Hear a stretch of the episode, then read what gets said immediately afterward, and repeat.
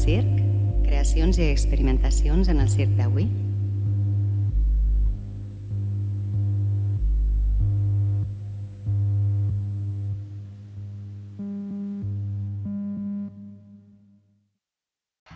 Benvingudes i benvinguts al segon capítol de, del podcast de la Central del Circ, Circ Latent.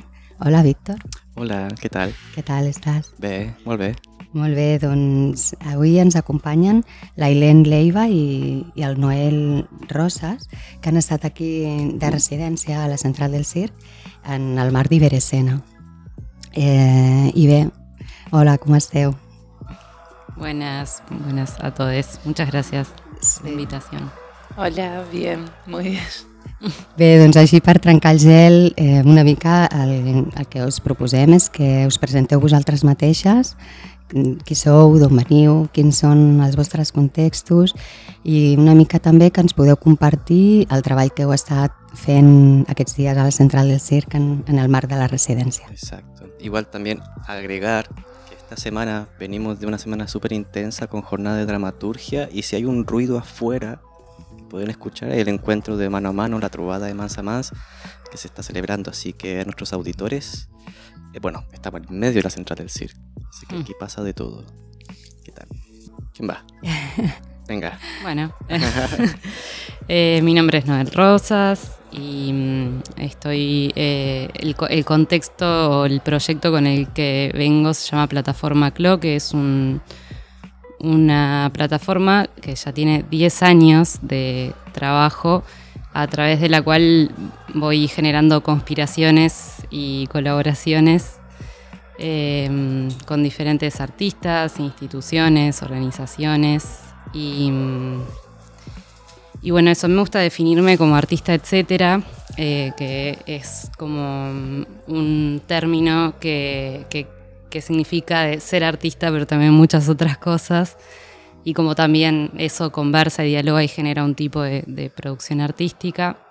Eh, y, investigo en un campo que, se- que nombro circo expandido, que, que es como la línea de investigación que vengo desarrollando en el marco de plataforma CLO, eh, o como nombro mi práctica, por lo menos en términos circenses.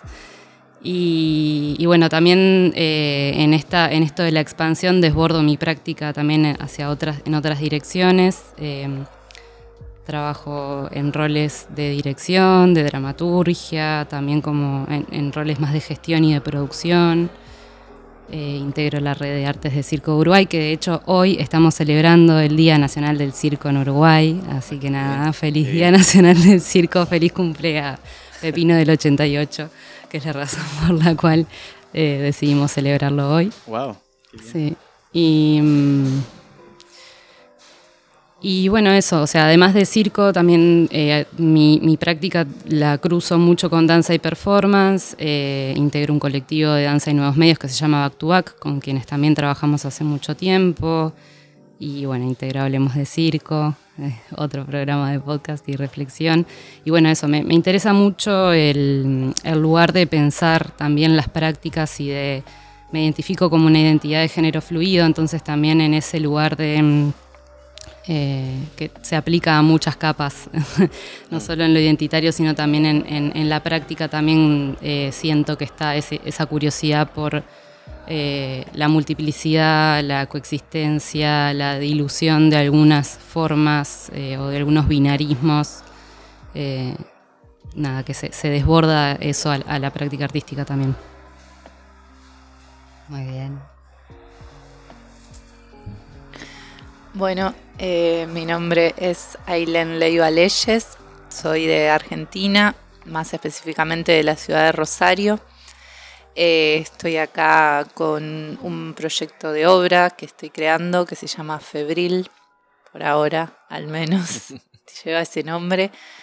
Eh, estuve participando de esta residencia, que es una segunda etapa de trabajo con este proyecto. Vengo de una residencia anterior en Buenos Aires eh, a principio de este año, en el ciclo Grandes Temas, Pequeñas Piezas de Pistas de Circo. Y bueno, en Argentina vengo trabajando hace bastante tiempo en el circo eh, de forma autogestiva, en colectivos, en compañías y de manera unipersonal también. Eh, formo parte de bueno, compañías que se dedican a creaciones escénicas, pero también de colectivos donde impulsamos generar espacios de formación e intercambio dentro del circo, como la Convención Internacional de Circo y Artes Escénicas de Rosario.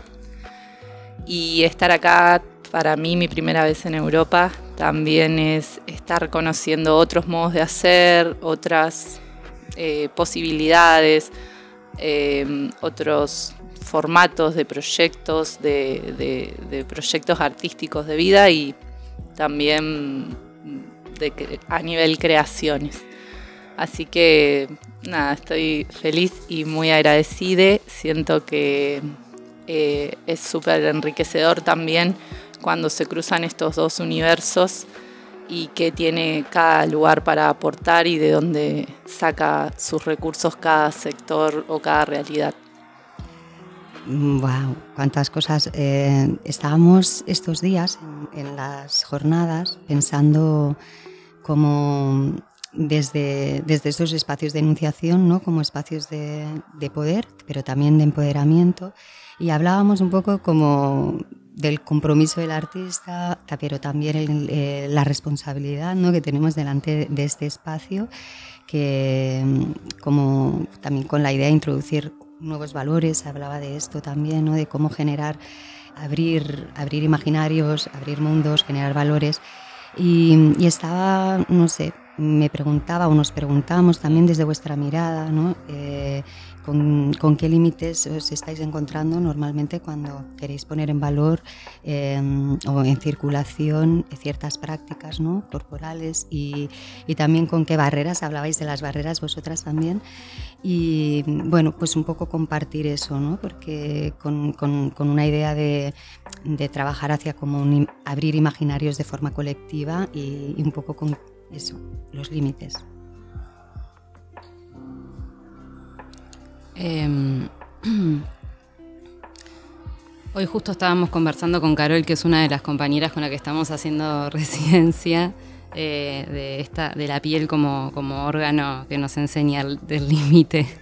Y, un poco... Mm, eh, creo que o sea, mm, a ver, eh, estás hablando más como del proceso que estamos atravesando acá. Eh, un poco abro la pregunta que se puede situar en tanto general. En, los límites en, la forma de producción como también los límites en, la propia práctica del circo, como que el límite, ah, ¿no? Que es un, y lo podéis como, no, comparto esta pregunta abierta con la idea de que la cojáis desde donde, igual si la queréis coger desde la práctica, con la idea de límite, porque el circo como que contiene, ¿no? El, la relación con el límite y o también con los límites en las formas de producción en las que se sitúan vuestras prácticas en vuestro contexto. Sí, creo que también me, ahora lo conecto o resueno con también una discusión bastante fuerte que se dio en el marco de las jornadas en relación a los límites éticos que tenemos en el arte o no, que mm, no sé, para mí es una cuestión, em, es una cuestión y eh, nada, también en esta reflexión que estoy eh, teniendo desde mi práctica artística mm, sobre el antropoceno, me parece que, nada, para mí ahí hay un, hay un límite y una urgencia, o sea, como humanidad necesitamos ponernos un límite en algún lugar y hay una urgencia de entender y escuchar cuál es ese límite y creo que el arte no está ajeno a eso. Em, entonces, personalmente, sí, sí estoy trabajando como con, algunos límites en esto de la expansión y, de que, de que a veces eh, los, bordes pueden ser un poco confusos, o sea, cómo encontrar bordes a mi práctica. Eh, sí hay algo de algunas preguntas de cuáles son los desechos de mi, de mi práctica artística, Em, cuáles son las relaciones que establecemos a la hora de crear con quienes estoy colaborando y cómo pensar en un hacer potenciador y, y, también, o sea, en esto de que también muchas veces trabajamos con la precariedad, o sea, que, eso, que, esa es una, una situación que sucede mucho en nuestros contextos en Latinoamérica, principalmente con el circo, que es como eh, el arte que, está como peleando un espacio y recursos en, lo público.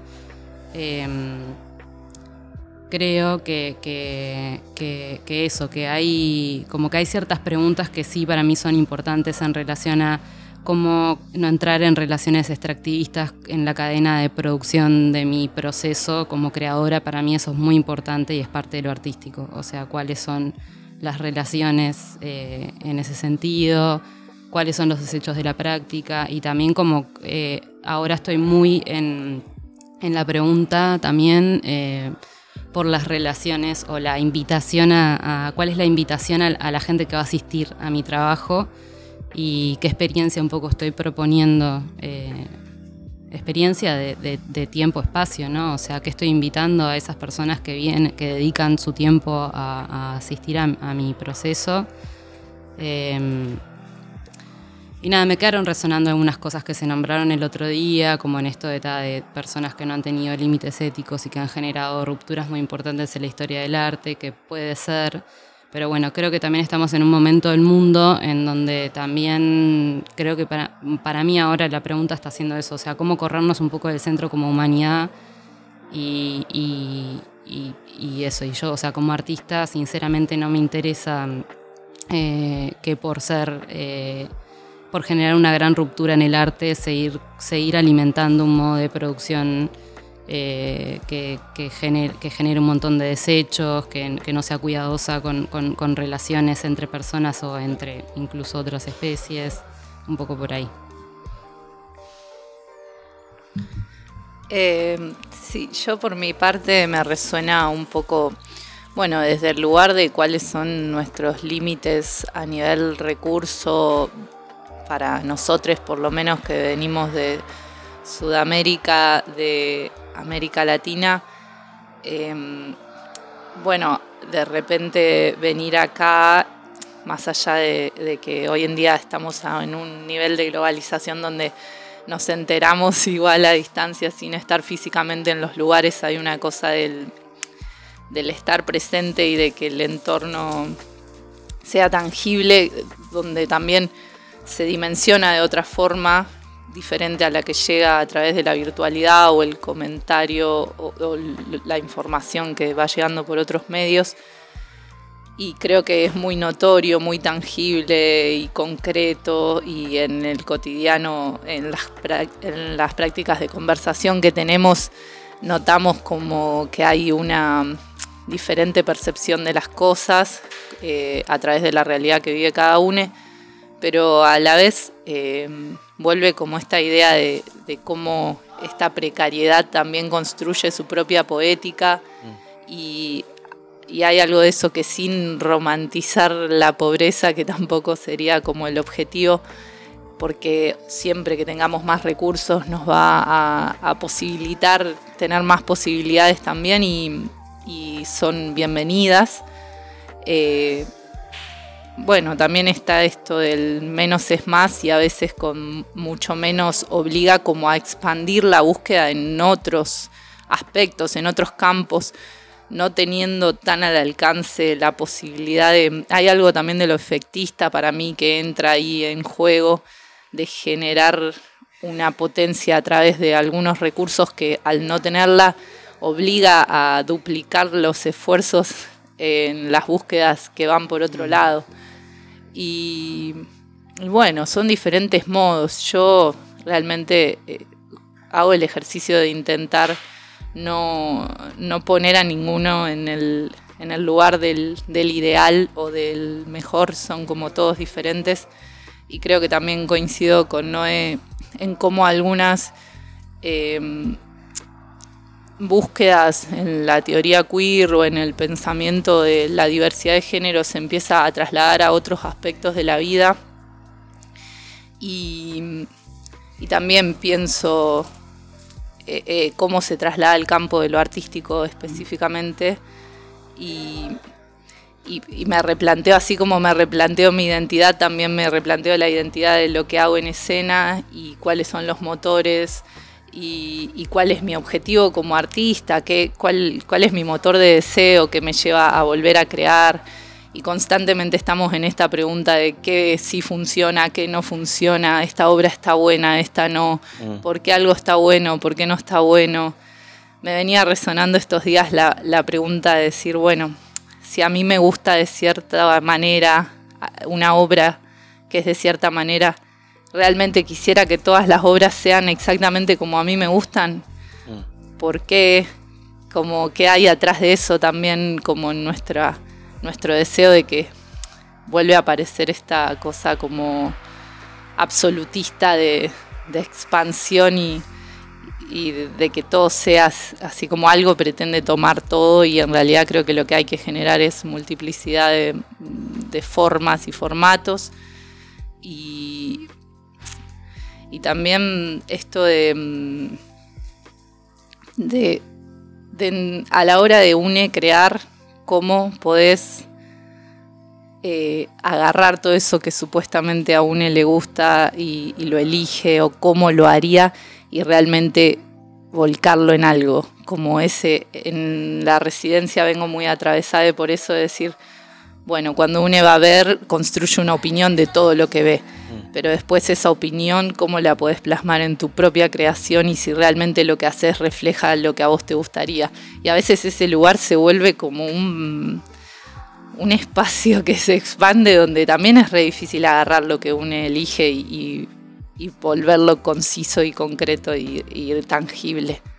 Sí, yo estaba como justamente, ahora plantearía como la pregunta al revés, ¿no? O sea, que antes estaba como planteando la pregunta desde los límites pero como que también identificando las violencias con las que, con las que nos encontramos ¿no? y situándonos un poco eh, tanto en el contexto como en, nuestra propia práctica, en, las narrativas ¿no? que abrimos y también eh, lo pensaba como, como, si podemos identificar o podéis identificar dentro de, vuestro trabajo también espacios de libertad, porque hablamos mucho de la relación de, del circo como con, con, el espacio de libertad, ¿no? crear, crear, abrir posibles, o, abrir las posibilidades de, nuevas otras existencias y otras maneras de relacionarnos con el mundo. Y hablaba también, estaba también relacionando con, lo que nos comentaba mm, Roberto Magro el otro día, como entendiendo el circo como una relación entre cuerpos y objetos y materias, ¿no? y en esta relación que, que el cuerpo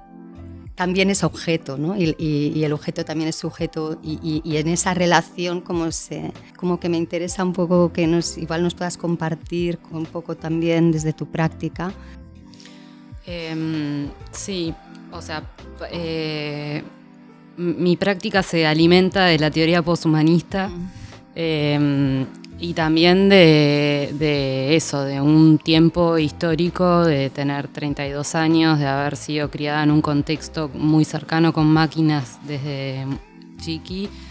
Entonces también creo que eso hace parte de, mi sensibilidad en algún lugar. Em, pero bueno, eso, en esta retroalimentación, en, este, en esta afectación mutua que hay, que bueno, entre el espacio, el contexto sociocultural y las, las máquinas o siendo parte también de, este, de esta actualidad, eh, nada, siento que, que, o sea, mi existencia hoy no sería esta si no, si no tuviera la relación que tengo. De hecho, mi, muchas, mucha de mi realidad laboral para empezar es gracias a la relación que tengo con Internet y con las máquinas. Entonces, eh, por eso me defino como cyborg. Porque, o sea, de verdad, o sea, además de que tengo una chapa de titanio en mi muñeca, además de que mm, estamos totalmente todos atravesados por ondas y microplásticos y sustancias que desconocemos. Eh, además de todo eso, eh, también creo que eso, que mi existencia está totalmente atravesada por las tecnologías de la información y de la comunicación, por estas estas máquinas. Eh, y bueno, también entendiendo la tecnología, a la palabra como otra tecnología, ¿no? Eh, que un poco hoy hacíamos el, el cartoguión de, este proceso, que es, una práctica que compartimos en el, en el taller de, de, dramaturgia, y veíamos un poco este lugar también de como de, cómo la palabra tecnología también se puede ampliar a, eso, a, otras, a, la práctica mismo, ¿no? A la práctica cuerpo como tecnología mismo, o sea, el propio cuerpo como una tecnología, ¿no? Sí, total. Y, y bueno, y en términos de, eh, para mí el circo es un espacio en el cual me siento muy en casa desde ese lugar, como que es un arte en el que en el que lo no humano está muy, muy cerca y, siempre ha sido muy parte de todo el universo circense. Entonces creo que hay algo ahí de, del circo que me, que me encanta y me enamora de eso. Y, y bueno, y en relación a, los posibles eh, de este trabajo que se llama, que creo que no lo dije, se llama De la memoria a la fuerza centrífuga, rutas obsesionadas con la telepatía. Eh, hay unas preguntas como de volver al cuerpo y, hacer un trabajo con glándulas, o sea, en términos de procedimiento estamos trabajando mucho con el sistema endocrino y con situaciones en las que el circo nos pone, eh, pone a nuestros cuerpos y qué efecto genera en esas glándulas. Y bueno, como jugando un poco también desde diversas eh, capas con, estas tecnologías. O sea, hay una primera parte que es un recorrido acá en la vuelta de la central, que es una carta que te lleva un audio y que en ese audio hay unas instrucciones. Eh, también eh, tengo un afecto hace muchos años con la instrucción como, como participativo, o sea, me estoy investigando como ya hace un tiempo en, ese lugar en términos de, de dramaturgia también.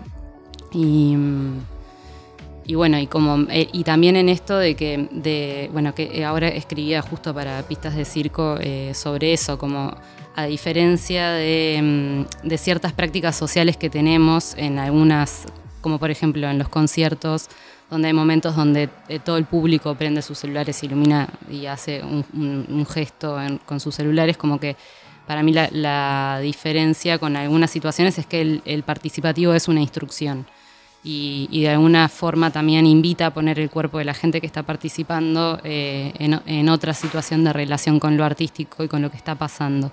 Entonces, bueno, un poco preguntándome por eso, por abriendo un poco, nada, profundizando en ese campo de la instrucción, entonces hay toda una primera parte que es asincrónica, que esa fue una experiencia, una prueba que hicimos a ver si funcionaba, la, generar una experiencia asincrónica eh, en, el, en el proceso.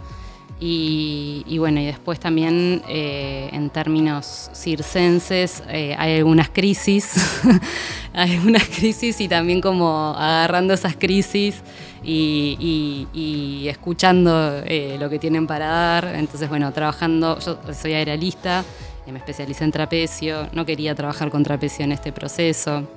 Entonces me fui por investigar otra, mm, con arnés y con, con otros soportes, con eslingas y, y como trabajar con una altura baja, que fue una decisión, como también como un poco tensionando algunas, algunos, algunas creencias que, o ideas fundamentales que tenía como artista de circo de cómo tenía que ser algo circense y también jugando con una tesis que, surgió con, Carol en una conversación de amigas sobre las relaciones entre el porno y el circo, entonces estamos ahí un poco jugando con eso y, viendo hasta dónde también lo dejamos entrar y hasta dónde crece eso, bueno, será parte de este proceso que también hacía mucho sentido como eh, fue algo que, era la, primer, la primera instancia de poner el cuerpo que teníamos, un proceso que vengo escribiendo hace tres años que pasó por muchas etapas y, esta era la primera oportunidad de, materializarlas en unas condiciones óptimas para todas las ideas que teníamos, porque teníamos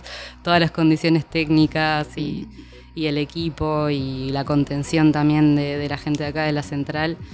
Em, y también nos parecía interesante traer esta tesis un poco reaccionaria a un espacio como la central del circo y traer algunas reflexiones en relación a eso como que también era una prueba a ver cómo funcionaba, porque mm, capaz que hay comunidad circense que se siente ofendida por esa tesis también, ¿no? Y, pero bueno, mm, mm, creemos que, que, va yendo. Justo, estaba pensando en el riesgo, ¿no? O sea, como, y la exposición, que también se ha hablado mucho estos días, ¿no? El, el, eh, eh, como que nos estamos todo el rato exponiendo ¿no? a nuevos retos. Y, lo que tú estás explicando me lleva también como al, riesgo y, con una metáfora de la caída al vacío, ¿no? O sea, como qué pasa, ¿no? Que a veces en, esta situación en la que nos encontramos de mundo, de no mundo, ¿no? Es que parece que es apocalíptico, que ya nos vemos todo el rato como nos estamos identificando con, con, con, con, el apocalipsis casi, ¿no? A nivel colectivo. Y el circo tiene mucho de eso, ¿no? De tirarse al vacío y algo pasa ahí, ¿no? ¿Qué pasa con esas energías que, que se renuevan o, con esos, esa, y, que tiene mucho que ver también con la relación con la materia, o sea, con, con confiar en, en otras formas de vida, o sea, en, otro tipo de relaciones que nos podamos sostener de otras maneras, porque está claro que de las maneras en las que nos hemos construido de forma colectiva, mm, social y política y cultural, no nos están funcionando. ¿no? Y yo creo que en este tipo de prácticas que vosotras estáis pensando y, desarrollando, se percibe como de forma corporal, ¿no? como, como una práctica de cuerpo directamente, que te pone en ese desafío. Y tú también lo veíamos con ese desafío ¿no? de, de, exponerse a mostrar una interioridad, ¿no? un, espacio oculto. que era como muy interesante ¿no? ver e, ese, no sé si nos puedes compartir un poco también, como tengo curiosidad también por saber qué, qué preguntas te estabas haciendo en relación a, a hacer de un espacio escénico como representación del material de, de un cerebro humano, por ejemplo, y, que, no sé, me gustaría escucharte. Em, bueno, sí, creo que también en esta eh, conversación que veníamos teniendo me resonaba mucho hablando de esto de, los límites éticos que se llevan a la escena y, los intereses de, de, poner en la escena. Yo siento que hay mucho de lo personal en lo que une hace a nivel artístico, no siento que sea un trabajo donde uno se pueda distanciar del todo, sino que al contrario se mixturan y se funde lo subjetivo personal con lo escénico todo el tiempo. Quizás se puede correr un poco de ese lugar eh, cuando se trabaja en el rol de intérprete y simplemente desarrollas una partitura que te es dada desde afuera, pero en esto que venimos hablando también sobre el circo de autores, eh, creo que está muy, sí, muy, muy llevado a la escena lo que también nos mueve como individuos eh, en la sociedad y en ese sentido mi creación viene muy de la mano de un proceso personal eh, de, movimientos también en el plano emocional, psicológico, eh, intelectual, de pensar las cosas de, desde otros lugares. Creo que mm, algo que, quería decir antes también en esto de, pensar a través de lo queer algunas otras cosas y después se me fue la idea y cuando escuchaba de vuelta Noé me volvía...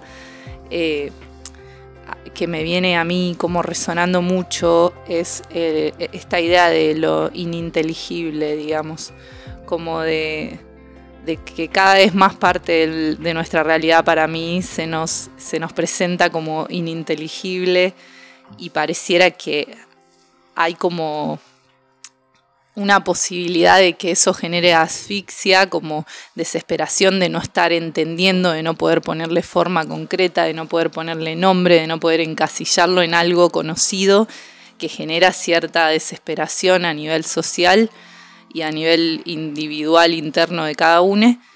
Y otra posibilidad es como empezar a abrirse a, eso eh, y, jugarlo también como en el lugar de la, del transicionar, digamos, del estar constantemente en esta fluidez donde cuando algo, porque también hay, hay algo muy sutil en eso de lo ininteligible, cuando se lo acepta que pasa a ser como inteligible o, o como que pasa, bueno, acepto algo diferente, que en un momento es diferente, se lo acepta y otra vez vuelve a estar en un lugar como de cierta rigidez, en lo que, bueno, esto ya es esto, está aceptado, está eh, validado por el Estado, por la sociedad, por quien sea. Y entonces como que hay una especie de sensación de trampa y de estar siempre tratando de correrse de ese lugar de que de que la realidad no sea aprendida, digamos, y la sensación de ya conocerla y saberla. Y qué puede haber de rico en esta constante renovación, porque esta cosa apocalíptica que vos decías, em, para mí hay que abrirse a esa vorágine y ver qué trae y dejarse llevar por lo que, lo que va trayendo. Em, y, en el camino encontramos identificaciones y, distanciamientos con, ciertos posicionamientos o, formas de percibir. Em, claro, cómo encontrar otras conexiones y, como que esta, yo creo que, que hay una, una tentativa porque eh, que, de alguna manera está circulando como para que pensemos que, estamos en este no futuro. ¿no? Y yo creo que como que el reto también es cómo encontrar otras conexiones entre todos para, para tratar de averiguar otras formas de circular. ¿no? Y está, estaba pensando, por ejemplo, en, eh, como como en todas estas eh, exposiciones ¿no? de, tu trabajo, las, las vulnerabilidades, las fragilidades, o sea, como, cómo encontrar el equilibrio, este, esta búsqueda, encontrar un equilibrio en el caos. Porque está claro como que cuando ya todo deviene caos, como, como, y hay como un reto ¿no? también y, como que fuerza a, a, imaginar ¿no? todo el rato. Es como... Sí, eh, que bueno, un poco mi intención al final cuando trato de hurgar en las profundidades de mis deseos eh, y me pregunto qué quiero yo llevar a la escena, eh, siento que hay como una necesidad también de cierta eh, paz, sensación de paz o de calma a nivel social que, que encontrarnos con todo esto y decir, bueno, amistémonos con este caos y construyamos desde acá que un poco en, mi escena eh, es un poco lo que me gustaría poder generar. Eh, creo que la empatía es una herramienta que tenemos que tener así todo el tiempo súper presente hoy en día para poder eh, reconocernos y respetarnos. y, a nivel escena siento que tenemos la posibilidad de generar puentes comunicacionales desde un lugar constructivo, desde un acercarse a esa persona desconocida que puede ser de cualquier eh, círculo social o, grupo etario o sí, desde, desde realidades totalmente diferentes, cómo se puede crear ese nexo que para mí es eso, como un puente y decir, una cosa es posicionarse en un pensamiento y, si la otra persona no lo ve, no lo percibe, no lo entiende, no lo conoce, cada uno en su isla, o ir como tratando de extender al menos esa invitación a conocer eh, la realidad de uno y otro y, ver cómo si existe la posibilidad de crear nexo, de crear alianza, digamos.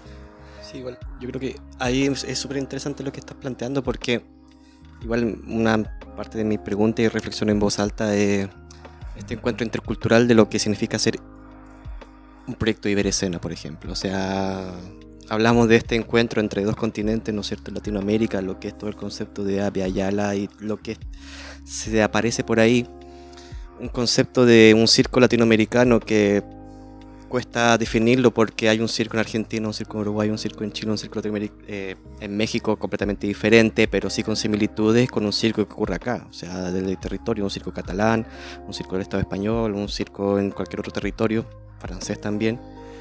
Y, y, esta multidisciplinaridad que hay de formatos, culturas, áreas, el propósito también de que sea un proyecto Iberescena es poder tener estos espacios de encuentro. Y mi pregunta es, cómo fue al inicio, cuando eh, en este caso eh, ustedes llegaron, y, qué es lo que se llevan dentro de todo esto, porque hay contrastes, y yo creo que los conversamos en algún momento desde la urbanización, la ciudad, bueno, con Noé llevamos una amistad también, que hemos conversado muchas cosas, pero nos pudimos ver presencialmente, porque solamente teníamos conversaciones por Zoom. ¿Y qué ocurre ahí? O sea, ¿qué matices existen? ¿O qué ilusiones o desilusiones fueron apareciendo, porque la idea de que este formato de proyecto iberoamericano es un encuentro, es un espacio de encuentro intercultural, a modo empático o también, ¿qué? Es como la gran pregunta, ¿y el, circo? cómo, cómo atraviesa todo eso también, porque una cosa que Ailén me, me dijo en el momento, que en Argentina el circo es de tal manera, tal descripción, ¿no es cierto? Con teatro, con otras búsquedas también, y que en Chile ocurre lo mismo. Y cuando me pasa a mí que yo llego acá, claro, veo otras necesidades, y para mí yo digo, claro, que falta un poco más de política, ¿entiendes? Como dónde está la pancarta eh, testimonial. Pero no, no, no, después me di cuenta de otras formas también de creación, de autoría, de dramaturgia, de referencia. Y así puedo estar hablando media hora, pero yo creo prefiero que hablen ustedes. Em, nada, para empezar, para mí el programa Iberescena es una tremenda herramienta de, encuentro. Eh, y nada, para mí ha sido un privilegio poder encontrarnos después de tres años de trabajar por Zoom. Eh, además de nada, de poder venir, o sea, eso, como que me, que cómo llegué, llegué como, llegué con cierta, mm, a ver, un lugar como medio alerta o no sé, como con un cuidado, como con un miedito de, de, que iba a pasar por el desafío del proceso, pero también de como sudamericana de venir a Europa y estar en un contexto europeo, como también me generaba mm, preguntas de cómo iba a ser. Eh, y, y bueno, y la verdad que, o sea, después de, estos, de estas tres semanas eh, además de, eso, de haberme encontrado con un montón de amigas, de haber fortalecido un montón de, lazos eh, laborales, afectivos, eh, y, de haber profundizado también en un deseo que, eso, un proceso que hacía mucho tiempo tenía ganas de ponerle el cuerpo y como que fueron las, las mejores condiciones que no me había imaginado para empezar este proceso también me, me, empiezo a llevar un poco, o sea, sí, sí coincido con esto de esta identidad política del arte en Latinoamérica, que me parece que es algo que a, que a medida que va pasando el tiempo, como que me voy reafirmando ahí, eso no significa ni que sea ni mejor ni peor, creo que, que tiene que ver un poco también con, que lo hemos hablado bastante eh, con, con, con, con, con con Víctor, incluso con Carol también, como algo de que las condiciones para poder hacer, hacer nuestra práctica, ser un poco más guerreras, como que eh, hay otros, otras, em, otros sacrificios que tenés que hacer, si se quiere, como para, para, para poder desarrollar tu práctica. Tal vez, no sé, es una posibilidad y una pregunta. Em, y, también me, o sea, de estar conversando con gente de, Cataluña, yo, por ejemplo, me voy súper sorprendida y, y con, con, este lugar de, en esto de hackear los binomios y bueno, como de sí que hay una sí que hay realidades de contextos diferentes, pero también diluir un poco ese binomio colonia-colonización y como, como que me voy un poco con, con, esa reflexión también a seguirla pensando, no sé, como que quede súper súper atravesada con todo, toda también la historia de Barcelona como ciudad, de, todo ese proceso de gentrificación de la ciudad, de cómo a su vez eh, hay una resistencia resarpada y también incluso esto, no sé, como cositas que fueron apareciendo en estos días de ir conversando, de, enterarme un poco más de la historia, de, sentir también la multiculturalidad de esta ciudad como un contexto súper... Eh, hermoso para, para también eh, eso, estar y poder, o sea, desarrollar una práctica acá. O sea, claramente lo que estamos, eh, lo que se generó en estas tres semanas de residencia no hubiese sido la misma cosa si hubiese sido en otro contexto, más allá de las condiciones técnicas y todo. O sea, la ciudad de Barcelona está atravesando este proceso con su multiculturalidad y su información. O sea, llegué a la ciudad y al otro día estábamos yendo a ver una perfo en un parque y ahora hay un festival de cine porno disidente y transfeminista y no sé, como que las informaciones también que tiene esta ciudad creo que están atravesando este proceso artístico muy fuerte y, eso para mí está buenísimo, así como... Cada vez comprendo más en estos espacios de pensamiento o, o práctica colectiva cómo abrir espacios de alianzas entre las diferentes luchas, ¿no? Cómo, y cómo encontrar estas resistencias colectivas que nos, que nos hagan como crecer, ¿no? Como imaginar otras formas, ¿no? Que no las como estancas. Sí. Y en esto de también de generar otros parentescos, ¿no? Como mm. que, que, Dona trae mucho también. O sea, cómo, cómo ir generando otros parentescos. Y en relación al circo, para mí el circo, o sea, hace 15 años que hago circo, que pongo a mi cuerpo en la situación de hacer circo y creo que muchos acá, o sea, como que es como que creo que es una red eh, explícita y subliminal al mismo tiempo que nos une. Eh, y, que nada, como que actualmente eso, yo ando un poco como con esas preguntas de hasta dónde explicitar algunas cosas o, o también como confiar en esa memoria y en ese archivo que está ahí, que, mi pensamiento es circense también en un montón de, situaciones. Así cuando soy coreógrafa de danza, mi pensamiento circense aparece. Entonces, eh, eso. Bueno, yo em, para contar un poco como desde qué lugar llegué, em, bueno, en un principio coincido eh, con Noé que el programa que ofrece Iberescena es una oportunidad súper valiosa y, sobre todo en, en esta cuestión de la movilidad eh, significa una posibilidad que en muchos casos, si no existe, es directamente un imposible mm. para muchas personas. Eh, entonces, nada, por un lado, sintiéndome súper privilegiada y agradecida por haber tenido la oportunidad que, que UNE se postula una convocatoria y si bien eh, cada uno trae su proyecto y, su trabajo previo que va abriendo nuevas posibilidades. Nada, a mí me venía resonando mucho en, todo este proceso de, ir entrando en la idea de que se me estaba dando esta oportunidad de sentir que igual hay gente que se esfuerza toda su vida y, no le tocan las posibilidades, digamos. Entonces, en ese sentido, me siento como súper afortunada porque podría ser como no, más allá de mi esfuerzo y todo el trabajo que vengo haciendo, digamos. Y mm, yo me formé en la escuela de circo de Rosario, ahí empecé a entrenar circo, de hecho los primeros talleres de circo que hice fueron ahí, en el año 2008 empecé con los talleres abiertos a la comunidad, después hice una escuela de teatro callejero también de la EMAU, después la escuela integral de circo también de la EMAU. Y, eh, en ese espacio de la escuela de circo, cuando eh, yo hice la escuela, teníamos todos entre 18 y 22 años, 23 quizá algunos. Eh, en ese momento, esa generación, teníamos muy fuerte la referencia del circo europeo. Mm. Eh, constantemente estábamos hablando de las escuelas que había acá, entrando a las páginas de las escuelas, a ver la información, los exits, los festivales que había acá, referenciábamos un montón y, era como una... Eh, eh, como una un sueño, diría, de, de todos, de poder venir acá a, formarnos en una escuela en algún momento o, a poder participar con nuestro hacer artístico en festivales o en instancias que, que, veíamos a través de la virtualidad como totalmente diferentes a nuestra realidad.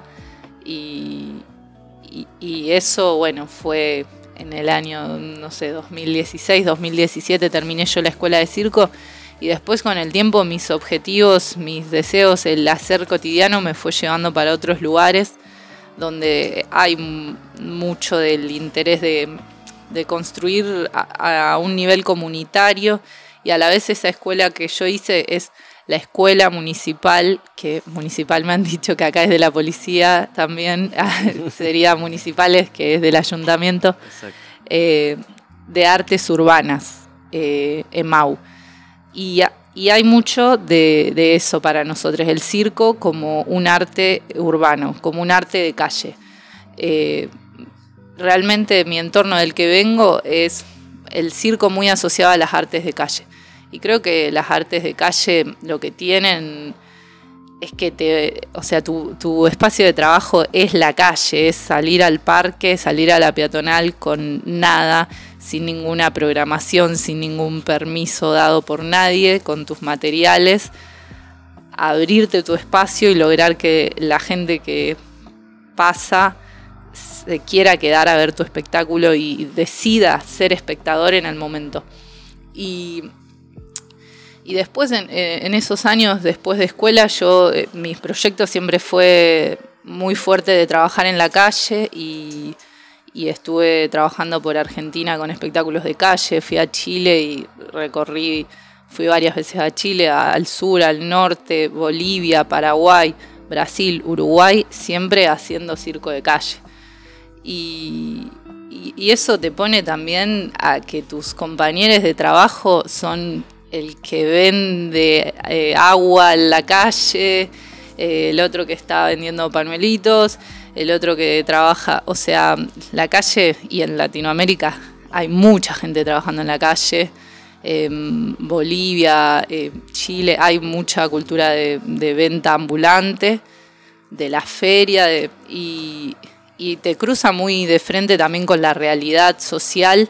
Entonces creo que también por eso pulsa en un momento el hecho de llevar a lo artístico algunas inquietudes de, la realidad social y económica que vivimos, porque la tenemos muy al lado y es inobviable.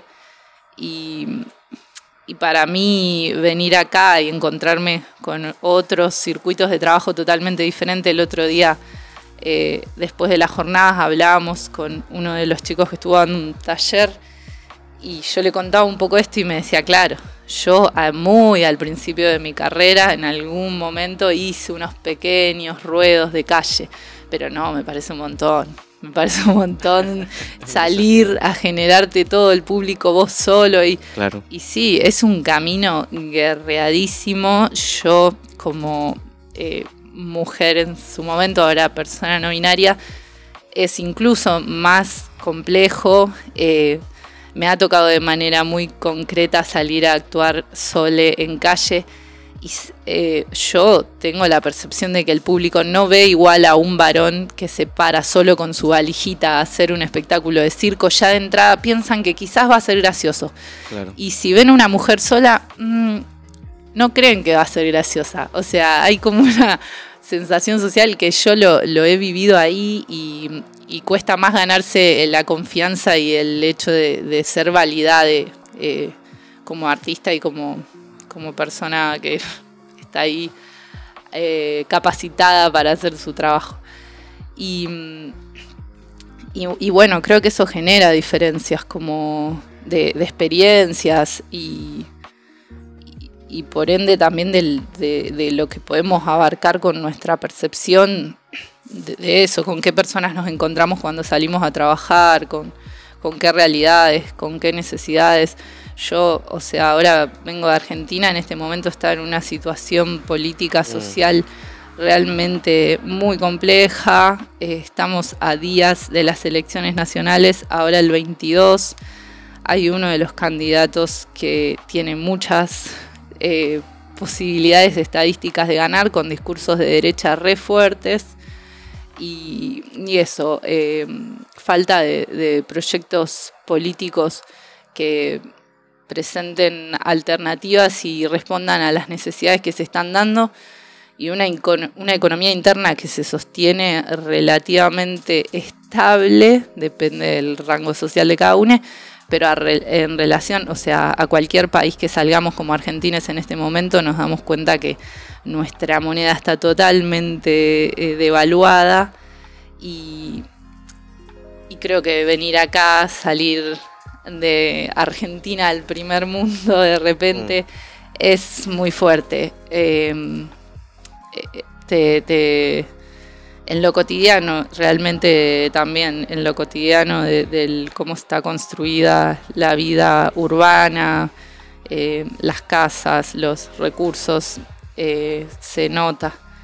Y, y ahora siento como que la residencia fueron tres semanas súper intensas, con un montón de estímulo en muchos sentidos por todo esto que venimos hablando y creo que para sacar conclusiones de qué me llevo necesitaría como un tiempo más de bajar la información, de, que decante algo así eh, a nivel interno, como que no sé si creo que ahora serían un poco apresuradas las conclusiones, pero pero sí también soy como partícipe de, la idea de, de tratar de sacar lo mejor de todos los lugares donde estemos y aprovechar lo favorable que tiene para darnos cada espacio y que todo tiene algo como para enseñarnos, nutrirnos, tomar y, y después, eh, qué sé yo, esta idea de, bueno, el Europa, Sudamérica, Europa, Sudamérica, el océano que nos divide y el poder ir de un lado al otro o el llegar al otro lado y decidir quedarse o volver y cómo se, van entramando todas estas eh, sensaciones también hablando con muchas amigas que son argentinas que viven acá hace años y cómo alguien viene por un tiempo y al final de repente ya toda tu vida está construida en otro continente. Eh, pienso que también al final, bueno, la vida es un momento y mm. cada uno tiene o sea, puede, puede elegir eh, qué camino tomar. Ojalá cada vez con más igualdad de posibilidades y, recursos para que realmente esas libertades sean equivalentes para todos. Sí, una pequeña pincelada de... Porque, por ejemplo, desde la central, claro, postulamos a la, al Libre Cena y sale esta convocatoria en clave iberoamericana que podemos traer dos artistas cada dos años, pero la transición es completamente compleja, o sea, no solamente la idea que sea de Latinoamérica, sino que también puedan ser de otro espacio y cómo la multiculturalidad, lo interseccional vaya atravesando profundamente y también entender lo que ocurre aquí en el territorio, o sea, también hay una identidad acá, hay un proceso. Súper interesante. ¿Tienes preguntas, no? No, no. Yo escucho. Estamos a la escucha así. Sí, sí, sí. No, que.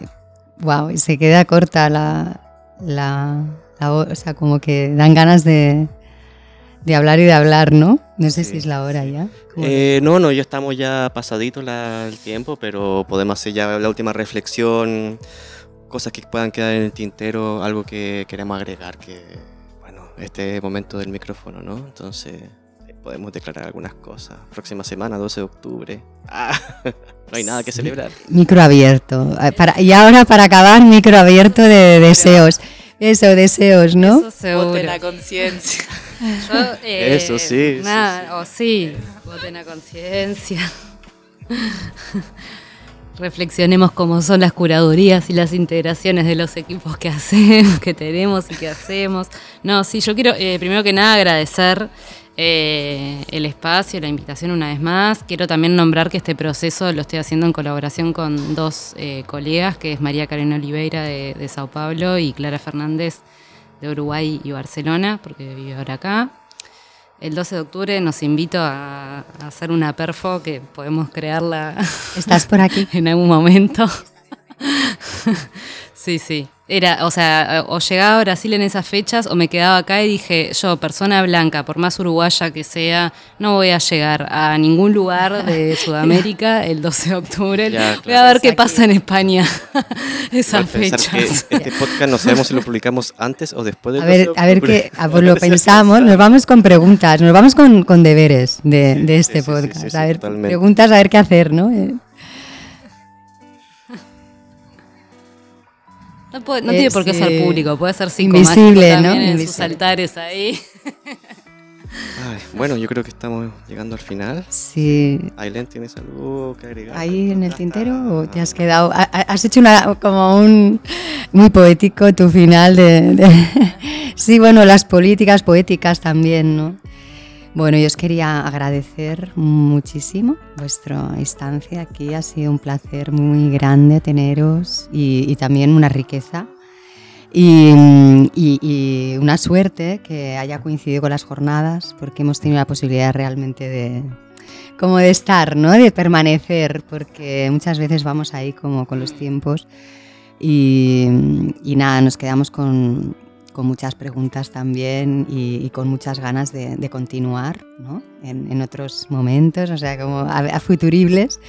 Y, no sé si tú quieres decir algo, Víctor. Eh, no, muchas cosas, pero esto no da para...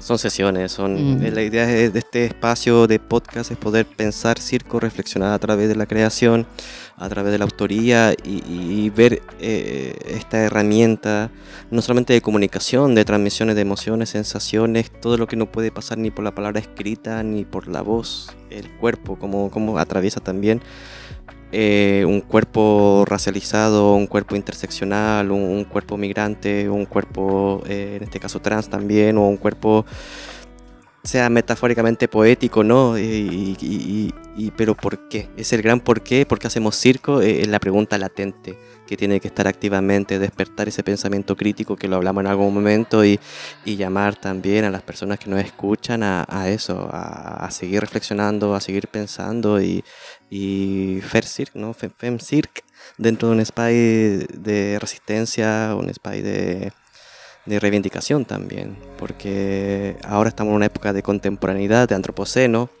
que no solamente es volver a que el, el hombre el que tiene el control de la humanidad, es no, no, no, no, no, esto es diferente. Mm. Y esto es mirar también qué ocurre en otros lugares.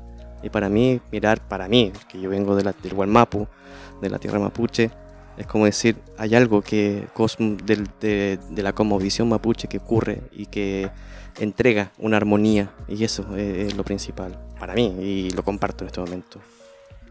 Bé, doncs ho deixem aquí, no? Sí, exactamente. Fins a, fins a la propera. Adeu. Adeu, muchas gracias. Chao, gracias. Gracias.